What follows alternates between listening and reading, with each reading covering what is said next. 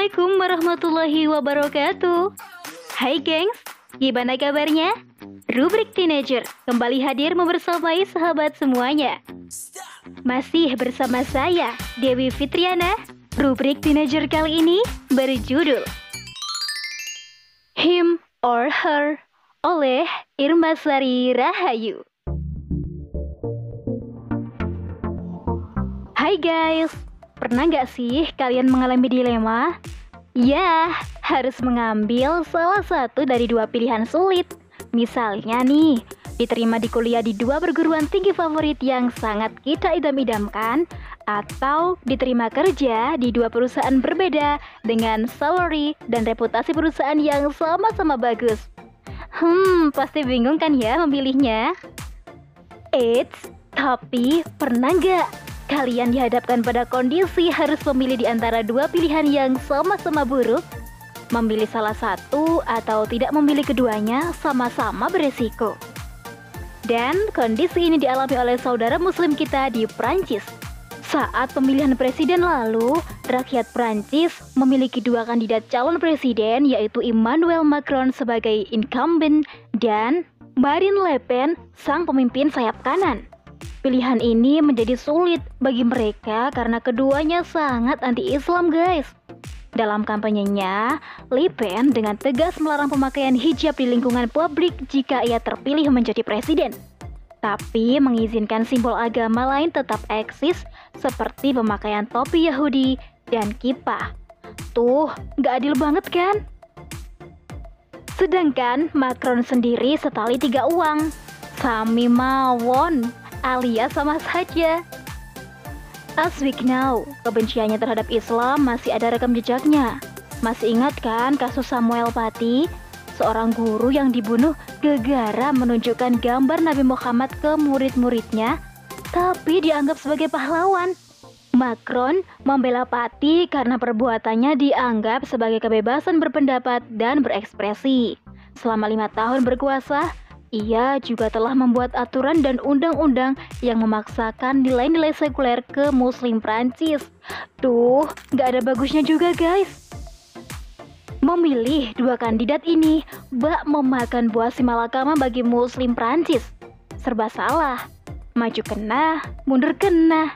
Seperti dilansir di republika.co.id pada 21 Mei 2022, Trudex seorang muslim Prancis dan pebisnis perawatan anak mengatakan, memilih antara Macron dan Le Pen ibarat memilih Islamofobia dan Islamofobia. Keduanya nggak ada beda dan nggak ada yang bagus. Tapi ia terpaksa memilih Macron karena dianggap lebih baik dibandingkan Le Pen. Guys, guys, guys, let's open our eyes and mind. Islamofobia yang terjadi di Prancis bukan hanya cerita dongeng, tapi memang nyata adanya. Negara yang dikenal dengan suasana romantisnya ini nih memiliki populasi penduduk muslim terbesar di Eropa, yakni sekitar 5 juta jiwa. Tapi, kasus Islamofobia yang terjadi juga nggak sedikit tahun 2018 telah terjadi 100 serangan terhadap muslim dan meningkat menjadi 154 kasus Islamofobia di seantero Prancis setahun kemudian. Duh, miris deh. Dan saking banyaknya kasus Islamofobia di Prancis, sebuah koalisi organisasi masyarakat sipil yang terdiri dari 36 organisasi dari 13 negara menuliskan pengaduan kepada Dewan HAM PBB. Mereka meminta agar menyelidiki pemerintahan Prancis karena diduga telah melakukan Islamofobia dan diskriminasi terhadap Muslim Prancis secara terstruktur.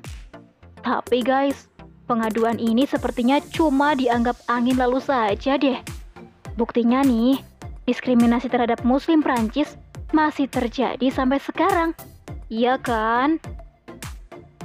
Ya, menyerahkan urusan umat Islam kepada PBB itu sih seperti fata morgana guys. Kita cuma dikasih mimpi yang tidak akan pernah terwujud. Ya, bagaimana mungkin lah PBB akan membela Muslim Prancis? Uang negara itu saja jadi Dewan Keamanan PBB kok. Pasti mereka akan gunakan hak vetonya untuk menganulir segala tuntutan. Padahal nih, Prancis punya semboyan, kebebasan, kesetaraan, dan persaudaraan loh. Konon negara ini sangat menjamin terrealisasinya moto tersebut. Tapi ternyata guys, tidak untuk umat Islam. Kecuali mengikuti aturan mainnya, yaitu menjadi muslim yang sekuler. Hmm, licik banget ya. Nah, inilah guys, wajah asli negara penganut demokrasi. Standar ganda kerap dipakai barat kalau berkaitan dengan Islam, ajaran, dan pemeluknya. Kebencian Barat nih, terutama negara-negara Eropa terhadap Islam, terpupuk sejak takluknya Konstantinopel di tangan Muhammad Al-Fatih. Peristiwa itu dianggap sebagai aib bagi mereka.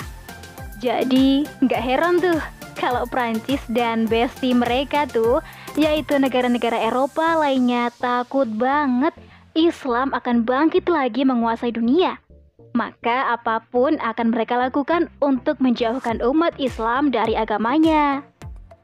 Allah Subhanahu wa taala berfirman dalam surat Ali Imran ayat 149 sampai 151 yang artinya Hai orang-orang yang beriman jika kamu mentaati orang-orang yang kafir itu niscaya mereka mengembalikan kamu ke belakang atau kepada kekafiran lalu jadilah kamu orang-orang yang rugi tetapi ikutilah Allah.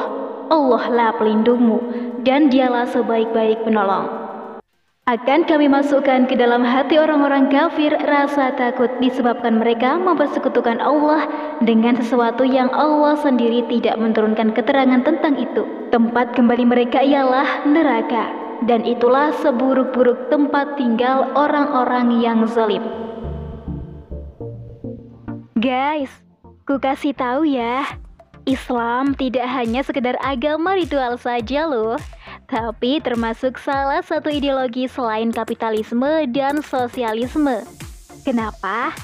Yaps, karena ada aturan-aturan yang terpancar darinya untuk mengatur kehidupan manusia. Di antara ketiga ideologi dunia, cuma Islam saja guys yang sahih karena sesuai dengan fitrah manusia yaitu berkaitan dengan penghambaan kepada Sang Pencipta. Nah, karena sesuai fitrah nih, maka ditekan sekuat apa pun, ia akan melakukan penolakan. Dan kabar gembiranya nih guys, kebangkitan Islam hanya menunggu waktu saja loh. Tanda-tandanya juga sudah nampak kok. Kapitalisme hanyalah ideologi usang yang sudah bobrok rapuh, dan gak laku lagi karena bertentangan dengan fitrah manusia dan membuat kerusakan di mana-mana. Kamu merasakan juga kan? Nah, Islam politik mulai dilirik karena dakwanya tidak melulu mengajarkan ibadah, tapi juga ajakan penerapan syariat secara totalitas. So guys, tetaplah istiqomah ya dalam ketaatan karena Allah Subhanahu wa taala telah berjanji akan kembali menjadikan umat Islam berkuasa di bumi. Dan Allah telah berjanji kepada orang-orang yang beriman di antara kamu dan mengerjakan amal-amal yang sahih bahwa dia sungguh-sungguh akan menjadikan mereka berkuasa di bumi. Sebagaimana dia telah menjadikan orang-orang yang sebelum mereka berkuasa dan sungguh dia akan meneguhkan bagi mereka agama yang telah diridhoinya untuk mereka. Dan dia benar-benar akan menukar keadaan mereka sesudah mereka berada dalam ketakutan menjadi aman sentosa. Mereka tetap menyembahku dengan tiada mempersekutukan sesuatu apa pun dengan aku. Dan barang siapa yang tetap kafir sesudah janji itu, maka mereka itulah orang-orang yang fasik. Quran Surat An-Nur ayat 55 Oke deh, sampai di sini dulu ya. Sampai jumpa di rubrik-rubrik teenager selanjutnya.